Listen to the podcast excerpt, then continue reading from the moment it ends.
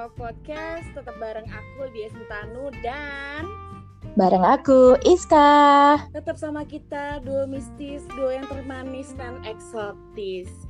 Episode kali ini udah masuk ke season yang baru Yaitu season keempat. Kali ini kita lebih berfaedah bahasannya. Kita temanya di season 4 ini adalah Sharing and Caring. Bukan begitu Ibu Tati? Betul, Ibu Bos. Oke, episode kali ini kita akan bahas permasalahan uh, pergunjingan atau apa ya namanya. Pokoknya sesuatu yang heboh menurut kita di lagi yang sikon-sikon seperti ini, yaitu kita mau bahas tentang COVID-19 soalnya kita lagi panik ya Bo ya. Kita lagi wasos banget lagi ini banget concern banget terhadap kesehatan juga.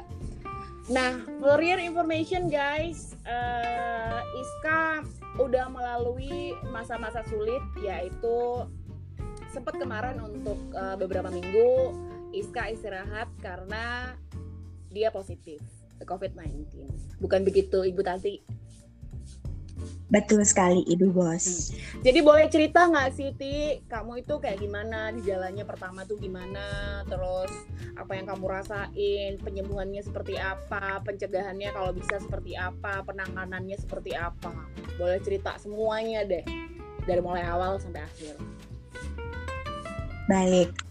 Uh, jadi ceritanya kita memang uh, bikin edisi ini bukan bermaksud untuk cerita sedih, bukan kita juga bukan bermaksud untuk menakut-nakuti juga bukan, tapi karena banyaknya cerita yang mampir waktu aku sakit kemarin serta pengalaman aku juga sekeluarga kena uh, dan kita meskipun udah banyak tahu tentang COVID-19 itu seperti apa, penanggulannya kayak gimana, tetap aja ternyata aku kena kemarin panik.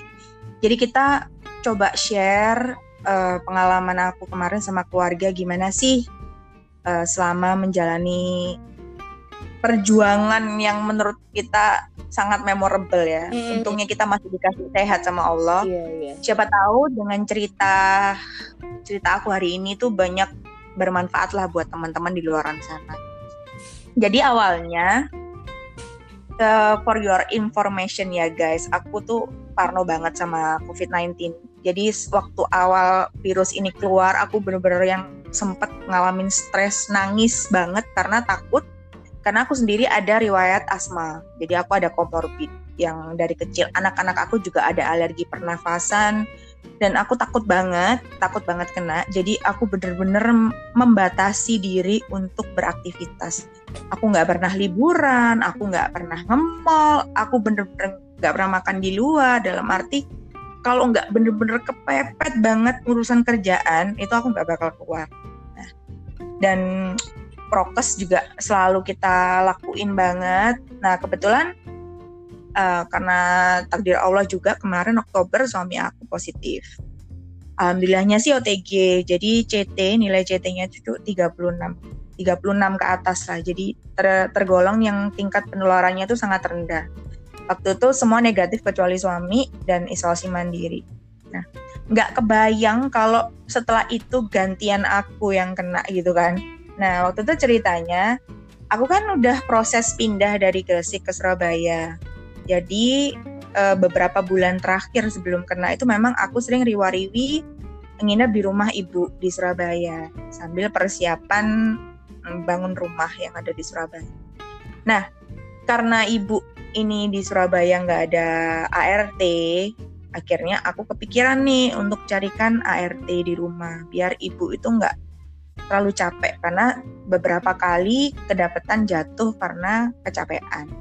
Karena orang tua terlalu rajin ya ibuku tuh terlalu rajin jadi meskipun udah dilarang kita udah lakuin semua pekerjaan rumah tetap aja masih pengen ngapain kayak ngapain. Waktu itu kita uh, hire ART itu dari Malang Nah, sebelum masuk rumah pun aku sudah swab antigen. Waktu aku konsul kan ke dokter, kira-kira apa harus PCR untuk uh, orang baru masuk rumah. Kalau antigen cukup kok, itu efektivitasnya sekitar 90%. Jadi cuman bedanya kalau swab antigen sama swab PCR, itu kalau PCR tuh ada hasil CT-nya. Jadi CT-nya ada berapa? Kalau seandainya positif ya, kalau negatif tetap nggak keluar CT. Nah kalau antigen itu cuman positif, negatif itu aja. Jadi udah cukup lah untuk sebagai indikator ini orang sehat atau enggak. Oke. Plus juga sebagai waktu itu untuk ngirit biaya ya. Ya udahlah kalau memang efektivitasnya udah oke, aku swab antigen. Nah, alhamdulillahnya negatif ini si ART. Begitu negatif baru aku masukin rumah. Masukin rumah setelah waktu itu sekitar tujuh hari kerja nggak ada apa-apa nih nggak ada gejala apa-apa. Sempat ke sekali sama ibuku itu pun pakai masker medis ya. Sejak suamiku kena COVID-19 yang sebelumnya aku udah nggak mau pakai masker kain bukan karena aku nggak percaya masker kain atau gimana cuman kayak lebih lega aja gitu kalau pakai masker medis. Terus abis gitu udah begitu hari ketujuh ke delapan ini kok ngeluh capek-capek terus mulai batuk-batuk kering abis itu mulai flu. Nah setelah dua hari kok nggak sembuh-sembuh udah dikasih obat udah apa meriang terus katanya ngeluh. Terus begitu begitu dua hari kemudian anakku anakku kena dong nular. Kok juga ngalamin hal yang sama? Lanjut ke keponakan usia 5-6 tahun. Lanjut ke ibuku kena habis itu lanjut ke aku. Nah sebelum hari ke 10 itu si ART ini minta pulang. Terus minta pulang dan kebetulan kita juga nggak cocok sama kinerjanya ya udahlah ya ya udah pulang aja. Terus uh, apa namanya waktu itu kita tawarin tes udah bu saya pulang aja gitu. Ya udah terus akhirnya itu waktu itu anak aku itu ART pulang hari Rabu.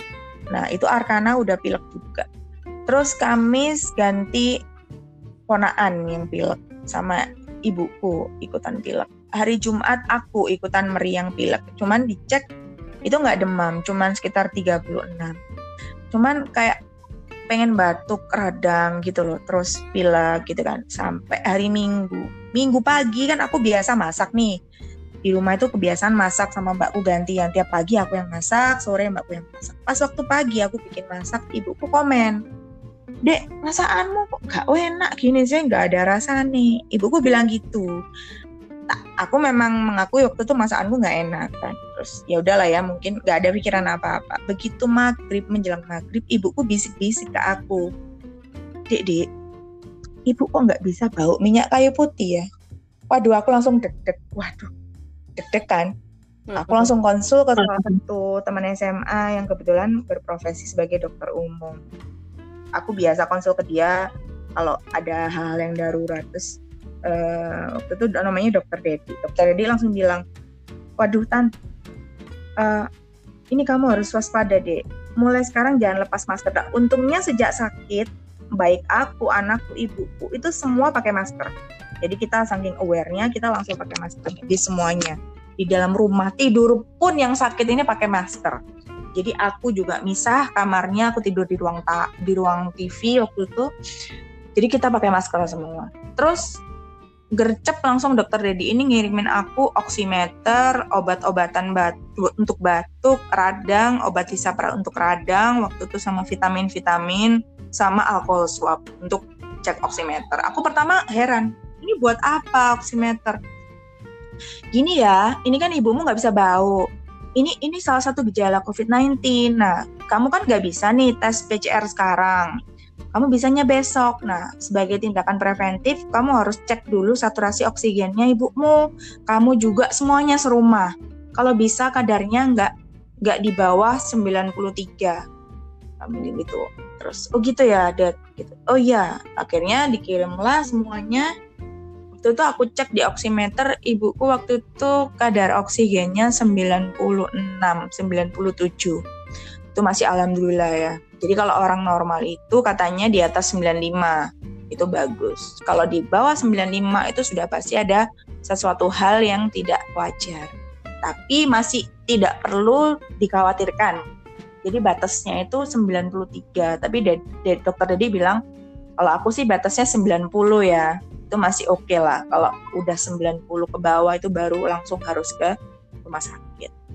Akhirnya besoknya aku tes PCR ibuku di salah satu rumah sakit di Surabaya Barat. Hasilnya satu kali 24 jam. Karena aku nggak mau nunggu karena gejala yang paling parah itu adalah aku sama ibuku. Nah aku langsung swab antigen di uh, salah satu apotek di Surabaya. Waktu itu di Kimia Farma aku pakai Halodoc. Waktu itu sebut merek nggak apa-apa ya Mi? Nggak apa-apa lah. Ya semoga Jadi, aja Halodoc abis ini sama Kimia Farma sponsorin kita iya, terus kayak gitu aku aku booking pakai Halodoc. Kebetulan waktu itu alhamdulillahnya karena booking pakai Halodoc nyampe aku nggak antri langsung nyerahin formulir langsung ke ruang tes. Jadi cuma antri sekitar 5-10 orang. Padahal kalau nggak pakai kalau nggak pakai aplikasi Halodoc itu antrinya waktu itu aku jam 11 ke sana, itu antrinya udah 114 orang, bayangin dong. Bayangin. Hmm, banyak. Berarti uh, bersyukur ya gara-gara Halodoc iya aku nggak Nah terus udah tes itu kan hasilnya dua jam ya begitu dua jam ternyata aku aku positif dong. Waduh deg-degannya sudah pengen nangis nggak karu-karuan di mobil. Terus akhirnya aku pulang ngambil anakku dua sama ngajak suamiku langsung aku tes PCR semua. Waktu itu udah banyak penuh, bayangin waktu itu banyak banget tempat tes itu udah penuh karena saking banyaknya orang pengen anti eh pengen antigen sama swab PCR untuk apa? Liburan. Gregetan ini aku ya. Masa ya selama aku tes itu ngantri itu banyak banget orang itu yang tes itu buat liburan. Ya Allah guys, ini tuh lagi pandemik, ini mau liburan, ada malah yang minta begini nih. E, Mbak boleh nggak ya saya tuh tes ini kan cuma berlaku dua minggu untuk PCR. Boleh nggak saya ditambahin tanggalnya? Soalnya saya pengen agak lama pak liburannya. Itu mental tak tucis-tucis orangnya, sebel aku. Jambak, jambak sis, jambak. Aku sampai, ya Allah guys, kok sempat-sempatnya kepikir liburan gitu loh maksudku dan itu penuh banget atau aku tertes di Pramita di AR Muhammad di mana banyak crazy rich ya di situ guys itu gitu dandanan mbak sosialita itu kan. ya. Crazy Rich Surabayaan uh, rumahnya di Surabaya Barat.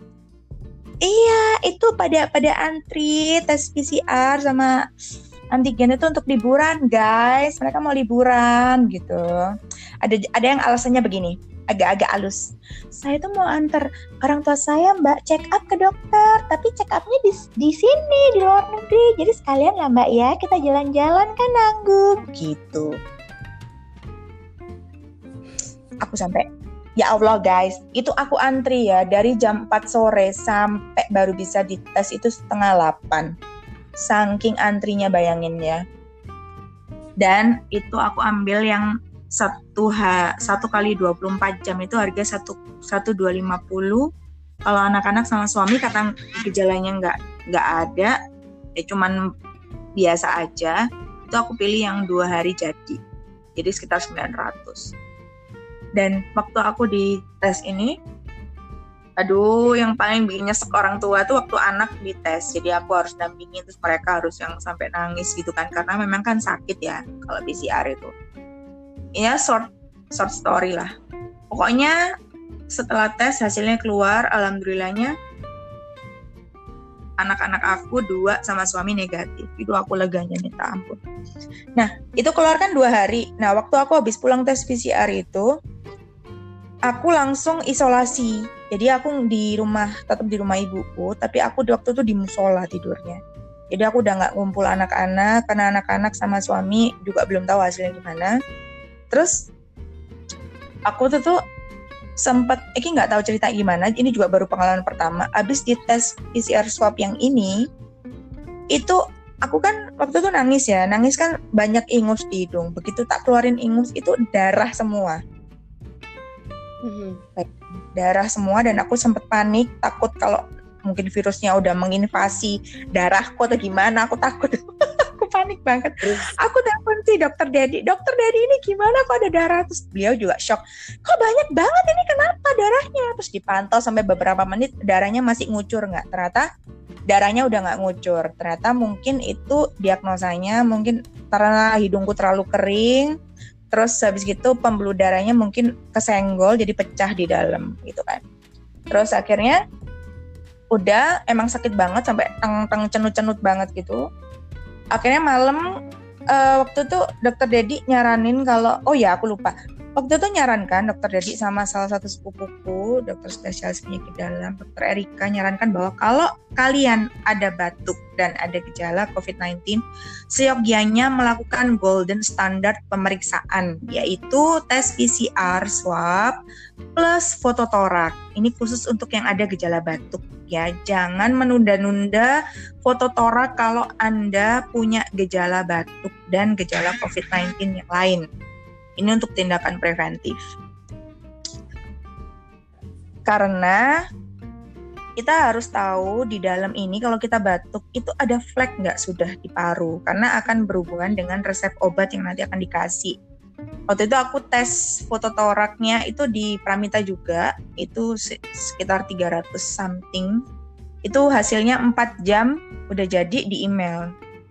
Dan ternyata di paru-paruku sudah ada flek Bayangin, padahal aku nggak ngerasa demam, nggak apa, ternyata di foto torakku itu sudah mild pneumonia.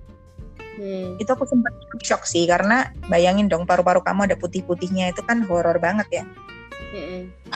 yang ya Allah inget, wah udah udah keinget macam-macam lah, bos pokoknya akhirnya sama sama dokter Dedi untungnya di di di ditenangin terus habis itu udah sekarang kamu harus fokus konsul ke profesor spesial eh profesor ke dokter spesialis paru untuk minta resep. Nah kebetulan karena kami ada keluarga yang uh, berprofesi sebagai spesialis paru waktu itu om suami kebetulan langsung aku konsul secara online akhirnya dikasih resep. Nah akhirnya nebuslah resep ini ke apotek dapat dan waktu itu sempat susah banget cari karena pada rebutan semua obatnya. Uh, jadi di resep ini kalau dari cerita teman-teman ada dua macam resep ya. Yang biasa sama yang obatnya paten. Ini kalau menurut dokter Dedi sih ngelihatnya gitu. Kebetulan waktu itu aku dapat yang paten karena memang waktu itu kabarnya yang biasa ini sudah pada susah dicari obatnya. Itu itu satu resep itu guys ini bikin jombol guys. Lumayan guys. Guys jombol guys. Jadi waktu itu aku nebus kebetulan buat aku sama ibuku karena kebetulan ibu sama aku ada sama-sama ada pneumonia. Sedangkan di rumah itu juga ada mbakku ada mas iparku ada anaknya dua yang swab antigen. Kebetulan mbakku sama masku positif juga. Anak-anaknya negatif tapi karena nggak ada gejala apa-apa akhirnya mereka memutuskan untuk uh, ya udahlah dirawat pakai vitamin aja. Seperti suamiku kemarin. Nah terus waktu itu disebutin nggak ini nilai resepnya nggak apa-apa sebutin aja. Jadi biar kalian tuh nggak sakit semuanya. Mentalnya juga jaga gitu loh. Jadi kabarnya kalau uh, resep-resep yang biasa itu untuk antivirusnya aja selama 10 hari itu sekitar 350-an ya plus vitamin-vitamin mungkin sekitar 500 sampai 750 ya kalau yang biasa. Kemarin waktu aku itu dapat yang antivirus paten, katanya dokter Dedi ini yang paten. Nah, itu per resep itu untuk 10 hari itu 1,2 juta. Lumayan ya guys bagi kami-kami ini kleget lah ya. Yang Cuman ya udah kesehatan lebih penting. Udah PCR swab berapa ya kan. Nah, terus akhirnya isolasi mandiri aku di kamar atas, ibuku di kamar bawah uh, yang lain tetap semua pakai masker. Suamiku sama anakku begitu negatif langsung pindah ke rumah Gresik, jadi menyendiri bertiga. Nah, kami kami ini karena anaknya Mbak nggak ada yang nggak ada yang rawat, nggak bisa pisah, akhirnya tetap di rumah, tapi tetap dengan protokol kesehatan pisah kamar. Selama isolasi ini, uh, ini hikmahnya banyak banget sih ya. Kalau kalian bilang kok kayaknya nggak apa-apa sih mungkin OTG aja atau enggak. Ternyata tiap orang itu gejalanya beda-beda. Dan ternyata waktu suamiku sakit itu kan nggak ngaku ya Mia katanya kan aku nggak apa-apa aku nggak apa-apa. Aku nggak ngerasa apa-apa kok sayang. Waktu isolasi mandiri itu dia bilang gitu dulu. Waktu itu. Ternyata dia baru mengakui kalau ternyata dia itu ada ada yang mengalami sakit tapi dia nggak ngomong ya biar kamu tuh istrinya nggak khawatir nggak kepikiran dia kan tahu mm -mm. jadi uh, aku waktu itu yang tak rasain untungnya segera dapat obat ya. Jadi kalau bagi kalian-kalian nih yang mungkin ya ya nauzubillah min zalik ya udah terdeteksi terus positif. Jangan menunda untuk yang pertama beli oximeter untuk cek saturasi oksigen pagi, siang, sore, malam. Terus habis gitu untuk konsul ke dokter spesialis paru untuk tanya obat sama vitamin yang harus diminum. Ini penting sih. Baru setelah itu kalian bisa uh, diputuskan isolasi mandiri atau harus ke rumah sakit. Nah, kalau kemarin sih aku isolasi mandiri itu yang diwanti-wanti sama dokter dokter itu adalah jangan sampai saturasi oksigen ini di bawah 93. Meskipun kamu nggak kenapa-kenapa, nggak ngerasain sesek, nggak apa, kondisi membaik, kalau saturasi oksigen menurun, itu sudah pasti nggak baik-baik aja. Nah, kayak gitu. Kadang kan banyak orang salah mengira bahwa aku lo nggak bergejala, aku lo nggak batuk, aku lo nggak pilek guys, aku lo nggak apa, nggak demam. Tapi dia nggak ngecek saturasi oksigennya dia, tiba-tiba berapa hari udah memburuk, tiba-tiba begitu masuk rumah sakit udah 73 itu ada kasus kayak begitu. Jadi uh, eh, COVID-19 ini guys, ini berperang dengan waktu dan kalian jangan sedikit pun takabur tapi juga jangan parno berlebihan karena kita juga perlu mikir yang logis ya untuk menghadapi ini gitu.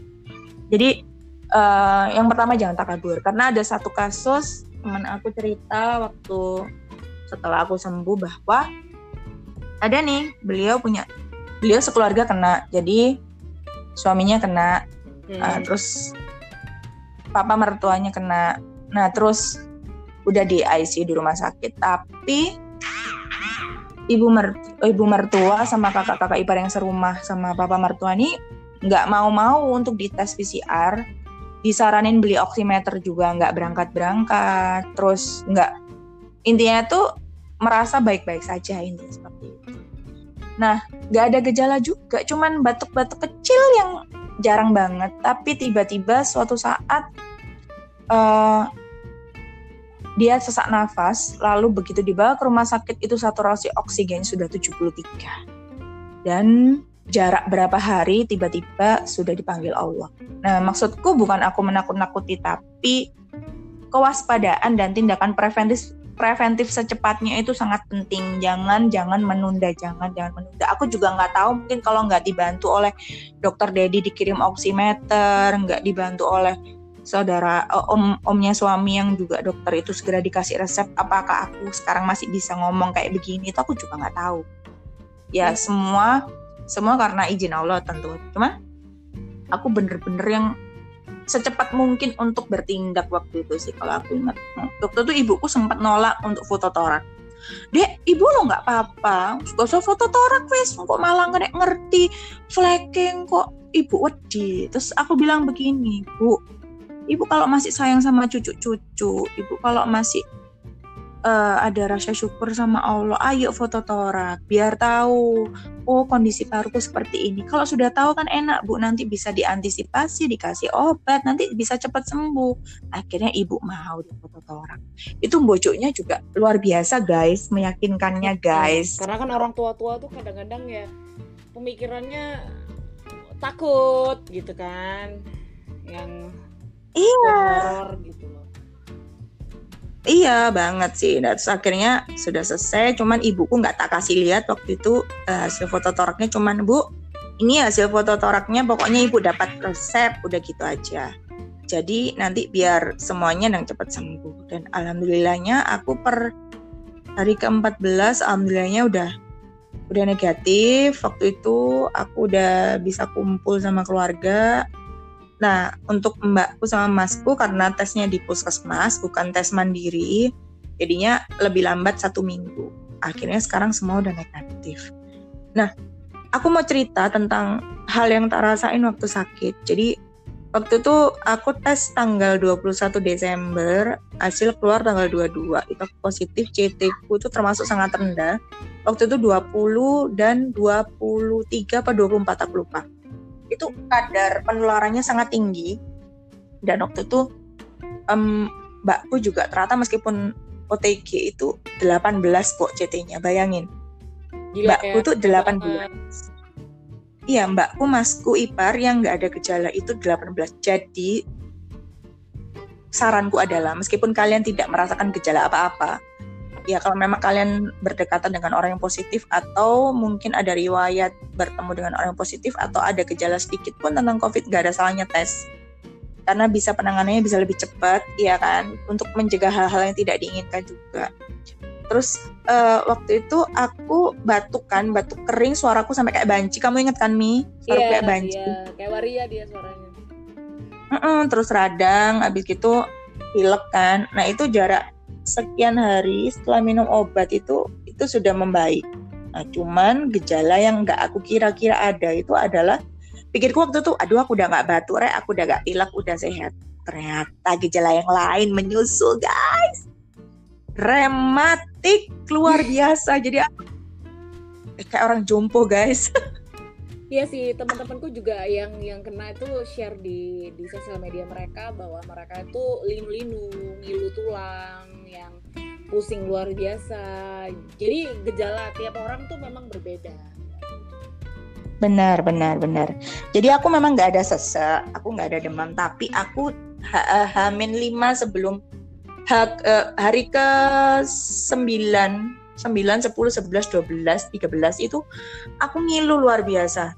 Jadi tiap malam itu menjelang sore habis asar itu itu ngilu semua badan kayak orang habis olahraga nggak pernah olahraga terus olahraga habis itu kayak memar-memar gitu loh. Hmm. kayak gitu sampai aku nangis-nangis.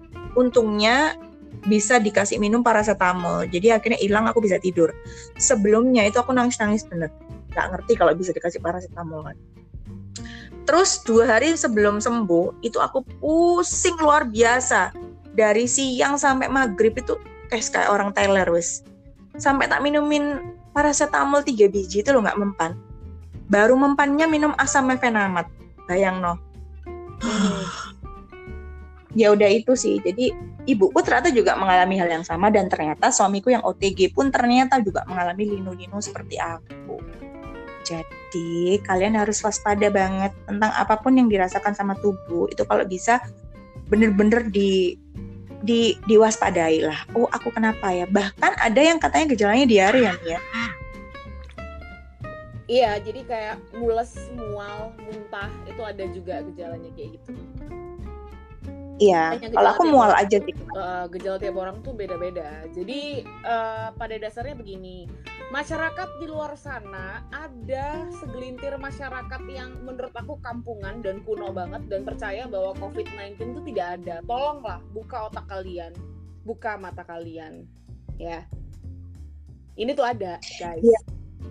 ada dan ini nyata guys jadi ceritanya eh, aku ada ada kolega yang ternyata suaminya ini eh, ternyata sudah eh, didiagnosa positif COVID. Nah tapi dia ini tipikal pribadi yang nggak percaya dari awal bahwa COVID-19 itu ada.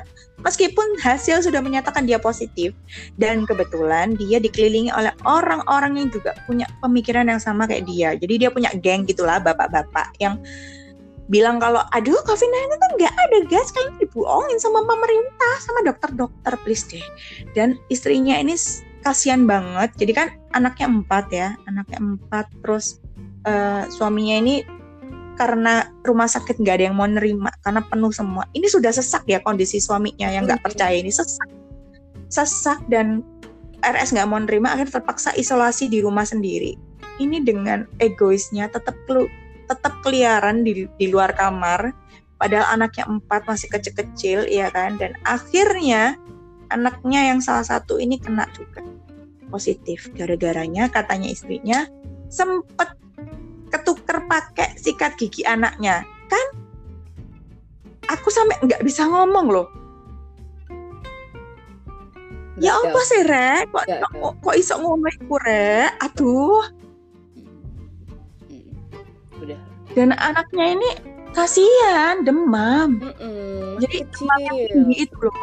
Iya. Iya masih SD kelas 3 Bayangin terus yang batuk-batuk Yang nggak nafsu makan. Bayangin lah maksud aku gini. Oke lah terserah lah kalian nggak mau percaya atau enggak Tapi jangan membahagia, membahayakan orang lain. Dan kalian ini makhluk sosial Seenggak peduli-pedulinya kalian sama sama virus ini. Please lah peduli sama sekitar gitu loh maksudku kasihan gitu ya makin bener guys. Jadi pencegahannya sih uh, pertama pertama uh, untuk menguatkan imun adalah kita harus happy nggak boleh panik, nggak boleh stres, kita harus mikir yang happy-happy juga, itu untuk memperkuat imun. Yang kedua, kita emang benar-benar harus jaga kesehatan, ke mana-mana harus masker, tidak berkerumun, tidak dalam ruangan tertutup eh, bersama orang banyak juga. Habis itu sering-seringlah mendapatkan sinar matahari.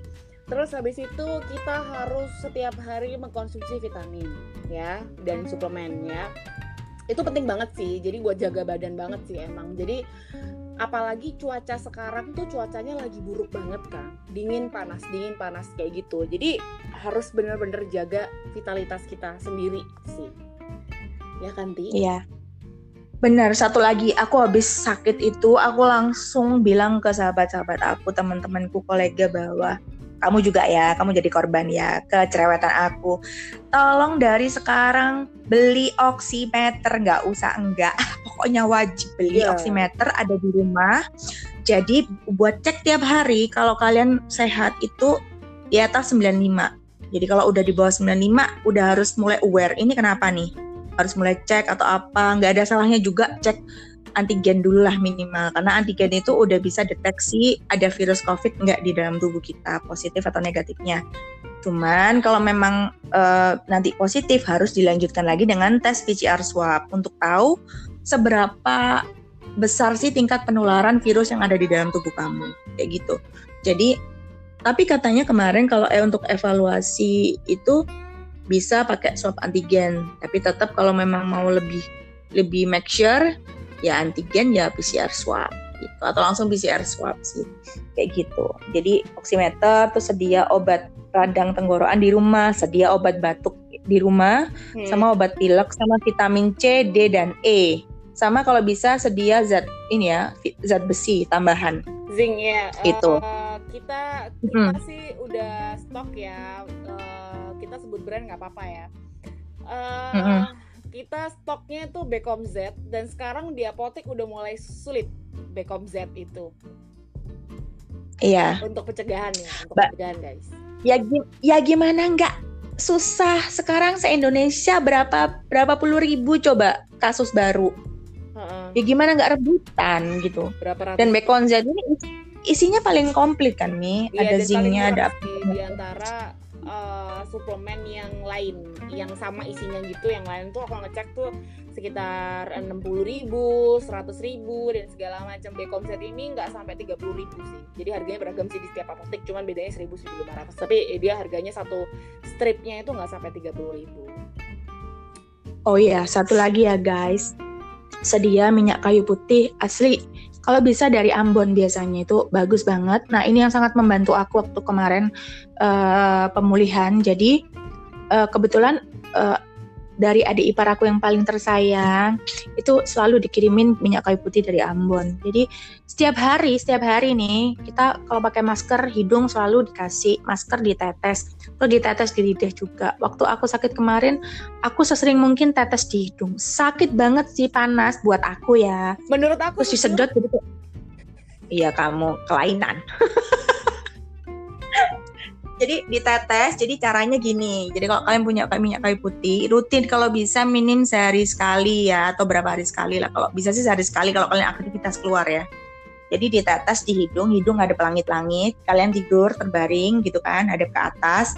Hidungnya hadapin ke langit-langit lubangnya terus tetes minyak kayu putihnya itu 2 sampai tiga tetes terus tutup lubang hidung pakai jari terus sedot gitu itu langsung masuk ke tenggorokan kan. Itu biasanya langsung batuk-batuk biasanya. Terus Kayak lendir dipaksa gitu keluar. Uh, uh, jadi lendir-lendir yang jelek-jelek itu dipaksa keluar. Itu itu membantu banget sih kemarin. Sama ditetes di lidah ya Mia kemarin ya. Lidah yang paling dalam ya di agak dekat hmm, di pangkal. Kalau uh, kalian iseng-iseng males kayak gitu, iseng-iseng aja kalian minum teh hangat atau apa, campurin minyak kayu putih kan ya juga nggak apa-apa, nggak masalah. Iya, nggak apa-apa. Ya ini ikhtiar sih ya. Terus yeah. saking saking saking kita pengen sehatnya, kita juga beli alat fogging dong, fogging desinfektan kemarin nih. Jadi alatnya tuh putih gitu, sekotak ukuran 30-30 gitulah. Itu jadi dia dia dia ada cairan gitu kan, nanti dibentuk asap gitu. Jadi serumah itu setiap pagi sampai sama sore itu kita fogging desinfektan. Hmm. Itu daripada kan bisa tuh manggil orang untuk fogging. Itu pernah kita manggil orang itu sekitar 400 kali datang itu sekitar berapa jam untuk bersihkan seluruh rumah. Nah, daripada gitu kita beli alatnya. Itu harganya sekitar 1,25 juta. Waktu beli online. Cairannya sekitar 500 ribu. Itu bisa cukup buat sebulan lebih cairannya. Jadi itu itu kita rutin investasi buat rumah. Jadi pagi sore kita fogging semua. Ya, atau kalau misalnya kalian mungkin berpikir itu terlalu mahal, uh, bisa juga kalian beli semprotan desinfektan yang tersedia di supermarket supermarket swalayan swalayan ya. atau minimarket itu banyak. Jadi uh, aku juga sedia itu. Jadi kalau pagi gitu aku semprot terus malam uh, mau tidur tuh aku semprot lagi. Atau hmm. kalau misalnya ada ngirim paket atau apa segala macam kita semprot itu sih. Kalau aku sih gitu. Iya, jadi ada dua macam ya. Nah, dan aku tuh ada preventif yang dari dulu sih sebenarnya aku seneng seneng bikin ini ya. Jadi uh, ada ke, apa namanya pencegahan juga. Aku tuh suka banget bikin jamu buat papaku sebenarnya. Tujuannya tuh buat papaku. Karena papaku kan punya bronkitis. Jadi dia punya alergi juga alergi udara. Jadi kalau udaranya dingin udah bersin bersin udah batuk-batuk itu itu memang dari dulu seperti itu dari mulai kecil juga gitu. Dan akhirnya aku pun juga aku aku punya sinus kan gitu. Jadi kalau udara dingin udah bersin-bersin bindeng buntu hidungnya gitu. Nah, tapi uh, aku bikin jamu itu isinya adalah temulawak, jahe merah, jahe biasa, serai, kunyit, kunyit kuning sama kunyit putih, ya kan? Terus habis itu kasih serai, uh, habis itu kasih lemon. Nah, jeruk lemonnya tuh jangan airnya aja, kulit-kulitnya kita rebus. Karena menurut penelitian ternyata kulit lemon uh, paling bagus kulit lemon ya daripada jeruk-jeruk yang lainnya. Kulit lemon itu dia uh, desinfektan juga. Jadi uh, menggelontor virus juga. Jadi ternyata uh, itu obat yang buat papaku. Itu sebenarnya obatnya fungsinya adalah untuk anti imun eh, apa namanya imun memperkuat imun terus untuk paru-paru radang paru-paru untuk batuk dan pilek. Jadi fungsinya udah lengkap semuanya. Jadi kalau kalian mau untuk pencegahan bikin jamu itu boleh diminum hangat-hangat sebelum tidur dan pagi hari. Kalau aku dicampur sama minyak kayu putih jadi kita tetesin 2-3 tetes minyak kayu putih terus kita minum jamunya. Lebih bagus lagi kalau dicampur pakai madu Iya, madu hitam apalagi. Ah, apalagi madu hitam. Kalau aku sih doyan banget sih pahit-pahit madu hitam. Tapi jamunya tuh nggak pahit guys. Sumpah nggak pahit. Sumpah nggak pahit. Itu enak banget rasanya kayak iya kayak minum lemon sama kunyit doang. Sebenarnya kayak kalian minum kiranti kalau buat para perempuan kayak gitu rasanya. Baik. Jadi itu pencegahan sih buat radang tenggorokan, buat paru-paru, buat imun juga lebih tinggi gitu jangan jangan lupa nggak boleh stres juga ya jadi biar imunnya nggak turun okay?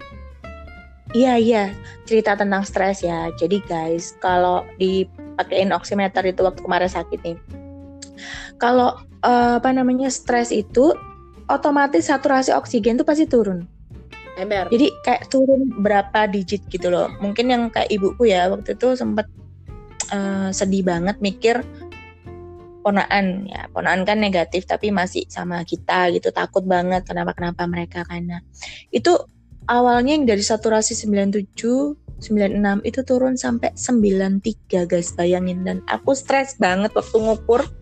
Karena ya 93 itu batas gitu loh kok. Karena diwanti-wanti banget. Kalau 93 ke bawah sis langsung ke rumah sakit ya. Dan kita juga nggak tahu waktu itu yang bikin stres adalah waktu itu beliau bilang uh, sepupu aku yang dokter ini bilang bahwa meskipun kalian pengen ke rumah sakit tapi kita nggak tahu rumah sakit mana yang bisa dijadikan rujukan karena semua udah penuh sih. Banyak yang meninggal meninggal di di luar waktu nunggu masuk IGD gitu dong. Bayangin dong aku aku rasanya deg-degan tuh tiap ngukur saturasi oksigennya ibuku beneran.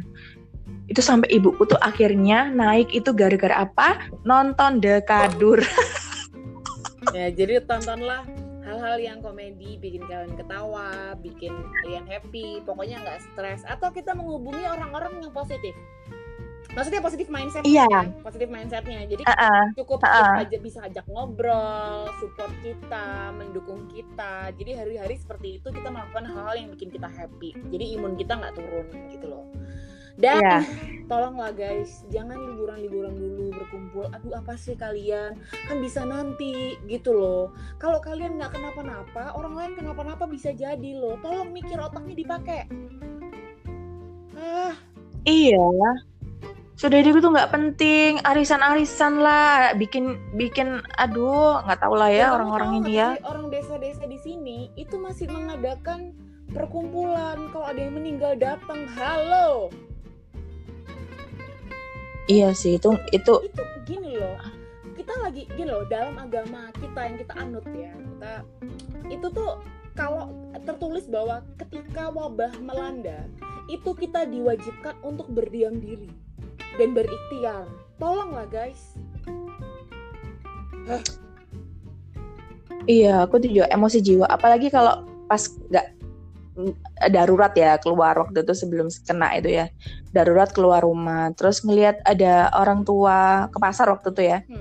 Orang tua bawa anaknya masih kecil nggak pakai masker. Orang tuanya pakai masker. Anaknya terus waktu aku bilangin nggak pakai masker aku bilang bu itu anaknya nggak nggak dipakai masker bu. Kan nanti bisa ketularan.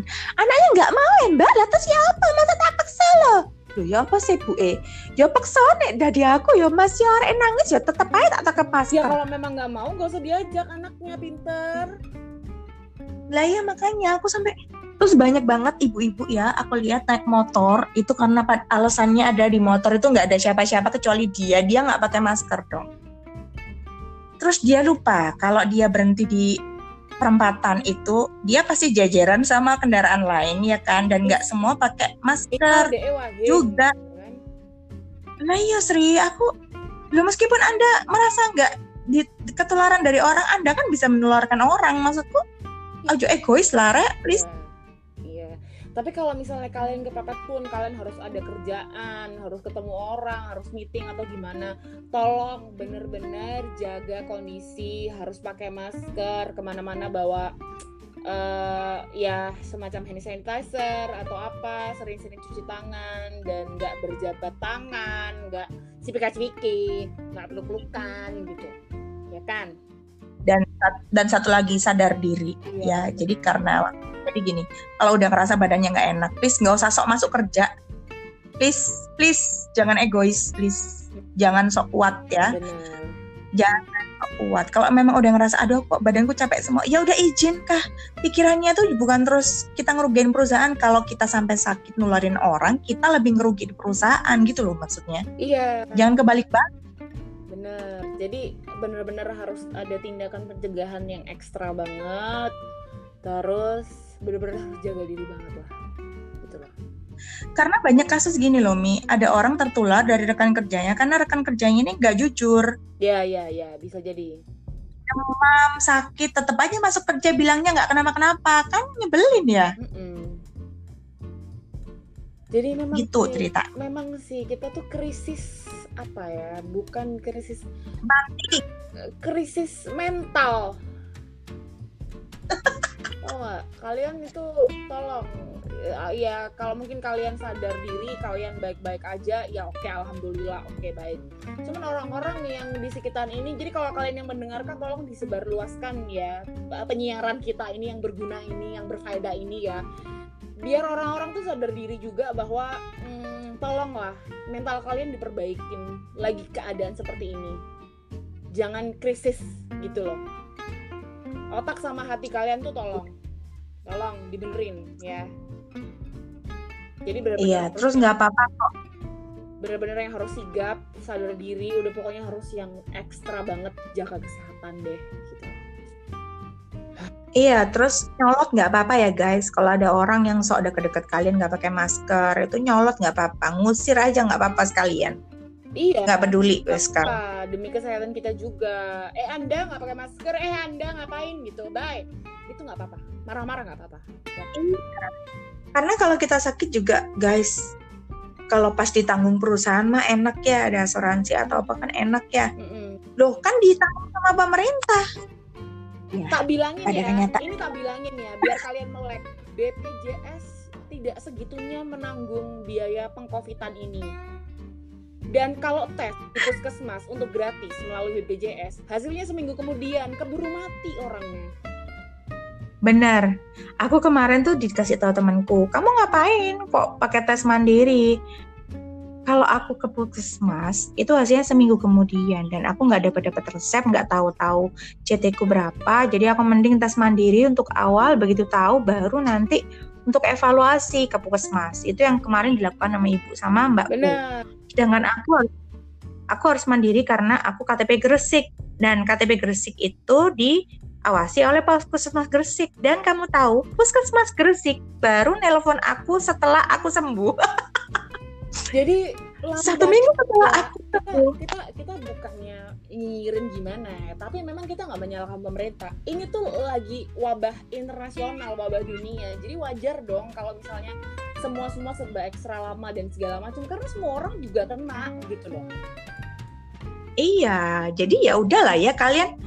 Ya bukan salahnya puskesmas juga lama karena memang enggak ini masalah kita menuntut kesadaran diri kalian masing-masing lah gitu loh pemerintah udah menangani dengan semaksimal mungkin puskesmas juga orang-orang udah capek banget tanganin kalian yang mungkin istilahnya cengkal ya. Eh, Hmm. udah udah stres banget lah mereka gitu. Jadi tolong kalian sadar diri banget jaga-jaga kesehatan banget. Kalau udah ada gejala tes. Ya udahlah udah kan gitu. Iya. Bukannya nggak percaya sama puskesmas bukan. Tapi karena memang lagi rame banget Iya, better kalau kalian ngerasa ada gitu loh.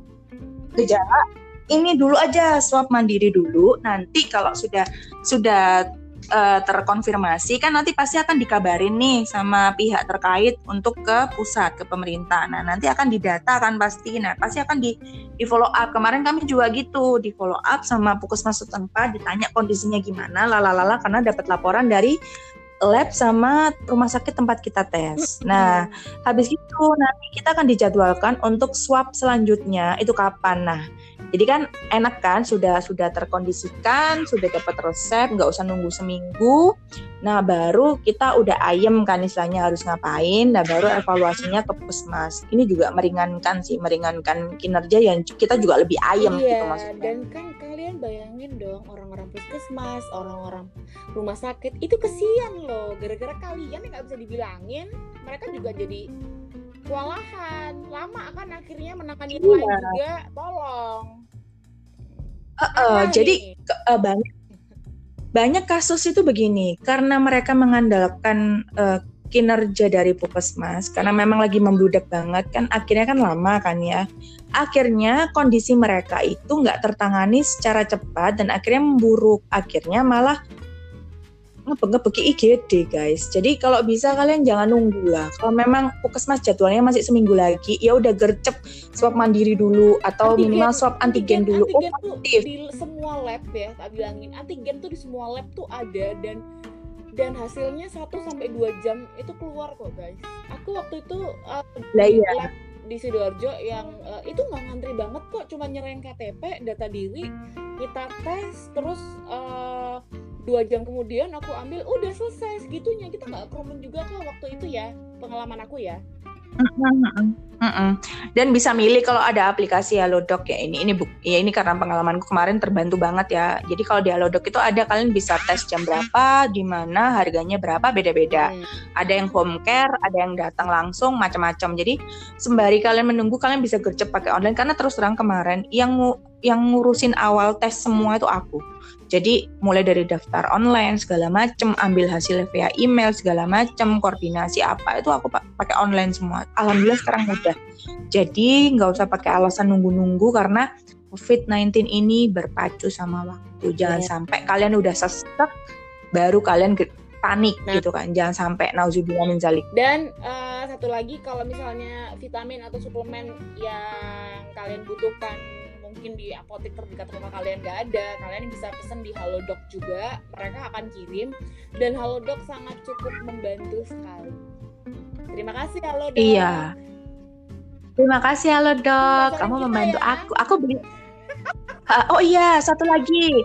Selain selain harus sedia ya desinfektan dan segala macam lalu vitamin segala macam sama oximeter kalian kalau bisa sedia obat kumur yang antiseptik. Kemarin aku pakai disaranin yeah, yeah, pakai betadin kumur. Betadin kumur itu sangat membantu itu. juga. Selain membersihkan plak dan membuat gigi kita lebih cerah dia juga menghalangi virus-virus untuk masuk ke dalam rongga-rongga mulut kita Iya, jadi nggak sampai masuk ke paru gitu loh. Jadi itu benar-benar membantu banget. Itu harus sedia sih. Boleh merek apa aja, asalkan yang benar-benar efektif dan antiseptiknya bagus nah, gitu. Dan kalau mandi itu, jangan itu, lupa itu. pakai antiseptik juga. Iya, betul. Jadi dikasih antiseptik. Terserah. Jadi uh, uh, ekstra. Jadi kalau uh, habis dari keluar ke mana pun kalian harus cuci. Kalau perlu mandi, baju langsung ganti. Jadi jangan di biasanya kan kalau kita kan dulu-dulu sebelum ada wabah covid ini bajunya belum kotor, belum bau, dipakai cuma sejam dua jam masih di centelan gitu. Sekarang jangan guys, langsung cuci. Mm -mm. Langsung cuci, datang masuk rumah langsung mandi, keramas. Kalau yang nggak pakai jilbab ya Mia. Ya. Hmm. Tapi meskipun pakai jilbab ya mending keramas lah ya Nah itu langsung segala macem ganti baju. Pokoknya aku aja kalau katakanlah sepedaan pun itu adik iparku datang sepedaan tuh langsung sepedanya dicuci, didesinfektan segala macem. Motornya suami kalau habis kerja juga disinfektan sih kalau kita. Mm -mm. Tak desinfektan. Pokoknya kita diajarin lebih bersih, lebih hidup lebih sehat lah dengan adanya wabah ini. Yeah, yeah. Beneran banyak Bener banyak. Jadi aku. dulu dulu kan aku males mandi guys ya. Aku tuh gak suka mandi gak suka air. Semenjak ada ini kan aku agak parno ya. Jadi jadi kamu sejenis ular memang sejenis ular kamu. Jadi aku tuh sekarang tuh rajin banget mandi. Rajin cuci-cuci rajin us pokoknya gitu lah pokoknya. Terus bersih-bersih lebih rajin. Itu dulu tuh aku malas mandi. Iya aku tahu. Aku tahu kamu malas mandi kalau aku kan memang suka mandi ya, jadi aku seneng banget sih. Maksudnya, aduh kebiasaan aku ternyata berfaedah ya guys. Ya, jadi sekarang aku gitu. udah udah lebih cantik kok guys, lebih cakep karena sudah sering mandi. Iya, jadi bagi yang mungkin mau ada tanya-tanya tentang COVID dan segala macemnya, mungkin lagi lagi ngalamin juga atau gimana, pengen tahu atau tanya, boleh kok nanti DM aku atau kontak aku di WhatsApp yeah. ya karena beberapa teman-teman juga banyak yang tanya gimana? Kudu apa? Karena ternyata meskipun kita sudah banyak tahu info tentang ini kalau kita ngalamin langsung itu panik guys. Paniknya beda gitu. Maksudnya kita jadi kayak aku kudu ngapain ya? Kayak gitu loh. iya, gitu. Uh, gak ada salahnya untuk tanya-tanya. Ya insya Allah nanti pasti aku jawab lah gitu. Itu sih semoga kita semua sehat, semoga dengan keluarnya vaksin ini wabahnya ini segera berakhir. Semoga kalian-kalian yang yang masih sehat tetap sehat terus. Bagi yang sudah kena seperti aku, semoga kita nggak kena lagi ya guys karena katanya nih kalau udah kena nggak mungkin kena lagi. Oh kata siapa? Ini kontraktor rumah aku, ini udah kena dua kali.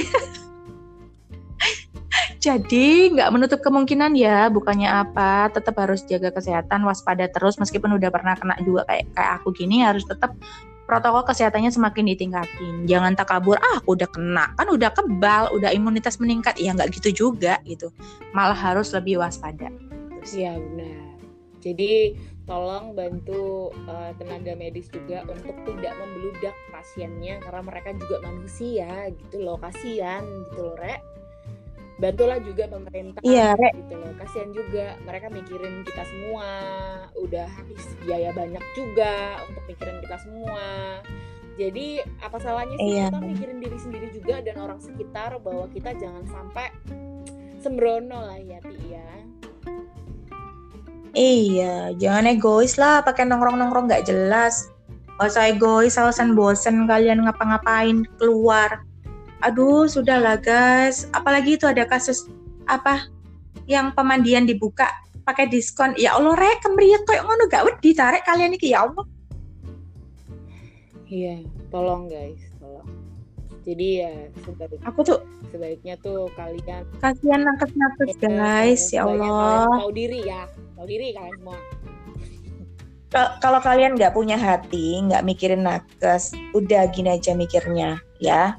Itu kena COVID-19, itu duitnya habis banyak guys. Iya loh, obatnya Ya. mahal loh, Re. Ya apa sih? obatnya mahal. Terus kalau udah masuk ICU itu kabarnya, kabarnya ya dari temen yang udah pernah kena ini keluarganya. Satu harinya tuh 13 juta guys. Iya, karena pasang ventilator dan segala macem, tolong. Nah jadi kalau kalian nggak takut perial virus, takut perial dompet ya. Tak weden-wedeni iki guys, cek sadar kalian. Terus ada yang ngomong Pusing aku, ada yang pernah ngomong gini. Ya udahlah ya, hidup Ngomong hidup mati yang nentuin Gusti Allah bukan kita. Hmm. Ya wes kon tak cemplung no san kandangi boyo ayo. Utawa kon tak delenang kandangi boyo, tak kon nginep sedino ae uji nyali. Ya apa Ya menurutmu? sih? Kita itu makhluk hidup diwajibkan berikhtiar, berdoa dan berusaha. Ha, ha. Ayo pusing aku ngerasa no wong wong iki. Lah ya Mi. Semoga dengan eh, pembicaraan kita ini banyak orang yang terbuka hati dan pikirannya sehingga lebih waspada lagi Ya. akan wabah yang sedang terjadi, lebih empati lagi sama sekitar, lebih saling menyay- menyayangi sesama dengan meningkatkan kewaspadaan akan virus. Mm-mm.